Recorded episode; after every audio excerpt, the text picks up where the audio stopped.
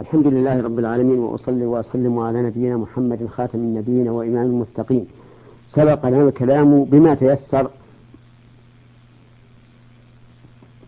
من تفسير قوله تعالى ولا تنكح المشركات حتى يؤمن إلى قوله لعلهم يتذكرون وبينا شيئا من فوائدها. انتهينا إلى قول الله تبارك وتعالى ولا تنكح المشركين حتى يؤمنوا ولعبد مؤمن خير من مشرك ولو أعجبكم.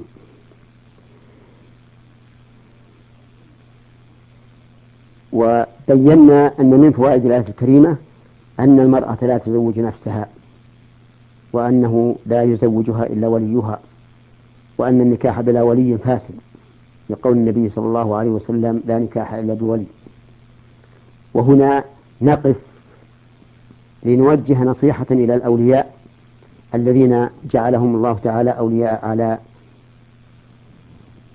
بناتهم أو أخواتهم أو من له ولاية من لهم ولاية عليها. وحذروا الأولياء من الخيانة في أمانتهم. فإن بعض الأولياء يتحكم في تزويج ابنته أو أخته أو من له ولاية عليها حتى لا يزوجها إلا من أعطاه أكثر من المال ولا يهمه أن يكون صالحا أو غير صالح ولا أن يكون حسن الأخلاق أم سيء الأخلاق وربما يخطبها من هو مستقيم في دينه مستقيم في خلقه ولكنه لا يعطيه شيء من المال فيمنع تزويجه مع رغبة المرأة فيه. وهذا لا شك أنه محرم عليه. وفي هذه الحال يجوز للمرأة أن تطلب من الولي الآخر الذي يليه أن يزوجها. فمثلا إذا قدرنا أن أخاها الشقيق أبى أن يزوجها من خطبها وهو كفء مرضي في دينه وخلقه فلتطلب من أخيها من أبيها أن يزوجها. فإن أبى كما هي عادة الكثير من الناس تأخذهم حمية الجاهلية فلا يتدخلون في هذه المسائل. فإن لها أن تتصل بالحاكم أي بالقاضي وتطلب منه ذلك. والحاكم في هذه الحال يجب عليه أن ينظر في الأمر وأن لا يهمه أحد إلا أداء الأمانة في هذه المرأة. وما أكثر النساء اللاتي يشكين من هذه الحال من عضل أوليائهن أن يزوجوهن من يرضى دينه وخلقه. كما أن بعض الأولياء.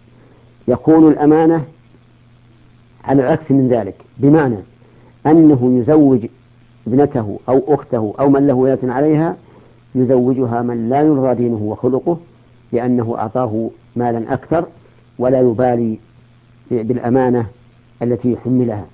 وهذا أيضا لا شك أنه محرم. وقد قال الله عز وجل يا أيها الذين آمنوا لا تخونوا الله والرسول وتخونوا أماناتكم وأنتم تعلمون واعلموا أنما أموالكم وأولادكم فتنة وأن الله عنده أجر عظيم. فالحاصل أنه يجب على الولي أن يتقي الله في من ولاه الله عليهم. وأن يزوج الخاطب إذا كان كفءا في دينه وخلقه ورضيته المرأة.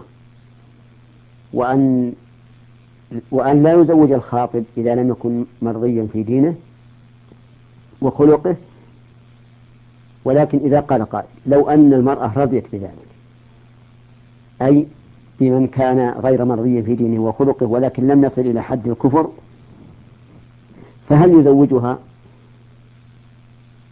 نقول لا يزوجها. حتى لو رضيت حتى لو ألحت فلا يزوجها. لأنه وإن رضيت الآن وهو سيء الخلق أو سيء الدين فإنه ربما تحصل مشاكل كثيرة يتعب بها تتعب بها هي في المستقبل ويتعب بها أيضا وليها. وربما لا يحصل الفكاك من هذا الرجل السيء الخلق أو السيء الدين إلا ببذل أموال كثيرة ترهقهم ويذهبون يستدينون من الناس. فالمهم أن الإنسان الذي ولاه الله على امرأة يجب أن يؤدي الأمانة سلبا وإيجابا.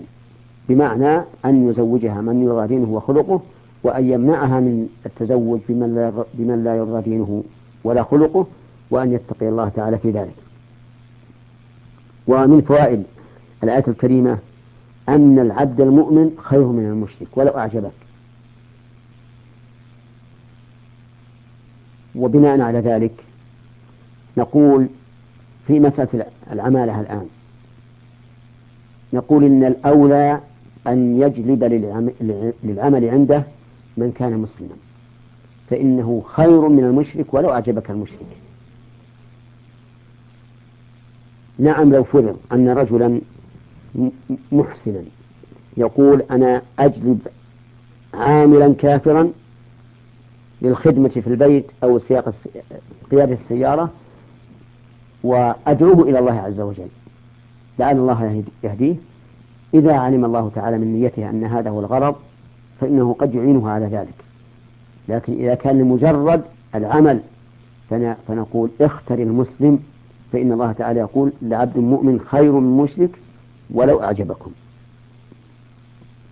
ومن فوائد هذه الآية الكريمة أن الكفار يدعون إلى النار. سواء كانوا يدعون بالقول فيدعون الناس إلى الكفر كما يفعل في دعو كما يفعله دعاة النصارى الذين يدعون إلى النصرانية أو كان ذلك عن طريق الفعل لأن الكافر إذا بقي على كفره فقد يغتر به السذج من المسلمين ويقولون إنه لا فرق بين دين الكتاب ودين المسلمين. وهذا خطأ عظيم جدا. فمن ادعى أن أهل الكتاب اليوم على دين صحيح مرضي عند الله فإنه كافر لأنه مكذب لقول الله تبارك وتعالى ومن يبتغي غير الإسلام دينا فلن يقبل منه. ولا يجوز بأي حال من الأحوال أن نعتقد مساواة المسلم لليهود والنصراني في الدين أبدا. اليهودي والنصراني بعد أن بعث محمد صلى الله عليه وسلم ليس بينهم وبين غيرهم من الكفار فرق إلا في بعض المسائل التي رخص فيها الشرع كحل النساء وحل المذكى وأخذ الجزية وإن كان القول الراجح أن أخذ الجزية جائز من اليهود والنصارى وغيرهم. فعلى كل حال أهم شيء أن نعتقد أن الأديان لا يمكن أن تتفق لا يمكن أن يوجد دين كفر مع دين إسلام أبدا. فماذا بعد الحق إلا الضلال ولا شك أن دين الإسلام هو الحق. فإذا ما سواه هو الضلال ولا يجوز اعتقاد أنه هدى بأي حال من الأحوال. ومن فوائد هذه الآية الكريمة أن الله تعالى يدعو عباده إلى المغفرة والجنة إلى إلى الجنة والمغفرة. لقول الله تعالى والله يدعو إلى الجنة والمغفرة بإذنه. وهذا كقوله تعالى والله يدعو إلى دار السلام. فالله تعالى يدعو العباد لما فيه منفعتهم في الدنيا والآخرة. لا لينتفع بهم هو كما قال الله تعالى يا عبادي في الحديث القدسي يا عبادي إنكم لم تبلغوا ضري فتضروني ولم تبلغوا نفعي فتنفعوني. فالطاعة أعني طاعة الله عز وجل هي مصلحة للعبد ومنفعة له وهي من نعمة الله عليه. ولهذا قال والله يدعو إلى الجنة والمغفرة بإذنه. ومن فوائد الآية الكريمة إثبات الجنة. وهي الدار التي أعدها الله تعالى لأوليائه المتقين. وفيها من النعيم ما لا عين رأت ولا أذن سمعت ولا خطر على قلب بشر. ولا يمكن للإنسان أن يتصور في الدنيا حقيقة نعيم الآخرة أبدا. وإن كان الإنسان يعرف جنسه لكنه لا يمكن أن يدرك حقيقته. فما فقد قال الله تعالى فيهما فاكهة ونخل ورمان وهذا موجود في الدنيا لكن حقيقة ما في الآخرة لا تتفق مع حقيقة ما في الدنيا أبدا. لأن الله يقول فلا تعلم نفس ما أخفي لهم من قرة أعين جزاء بما كانوا يعملون. ولو كان ما في الآخرة حقيقته كحقيقة ما في الدنيا لكنا نعلم ما أخفاه الله عز وجل. ومن فوائد الآية الكريمة آه، أن لا يعتمد الإنسان على نفسه في سلوك في سلوك الطريق الموصل إلى الجنة والمغفرة بل يعتقد أن ذلك بإذن الله فيتوجه إلى الله عز وجل بسؤال الثبات والتوفيق لطريق الجنة والمغفرة. ومن فوائد هذه الآية الكريمة أن الله تعالى يبين للناس آياته ويوضحها حتى يحصل لهم التذكر والاتعاظ. ومن فوائد الآية الكريمة أنه كلما تأمل الإنسان في آيات الله سواء كانت شرعية أم كونية قدرية فإنه يزداد تذكرا واتعاظا لأن الحكم يدور مع علته وجودا وعدما. ومن فوائد هذه الآية الكريمة إثبات الحكمة في أفعال الله عز وجل. لقوله بين آيات الناس لعلهم يتذكرون. فإن لعل هنا للتعليل.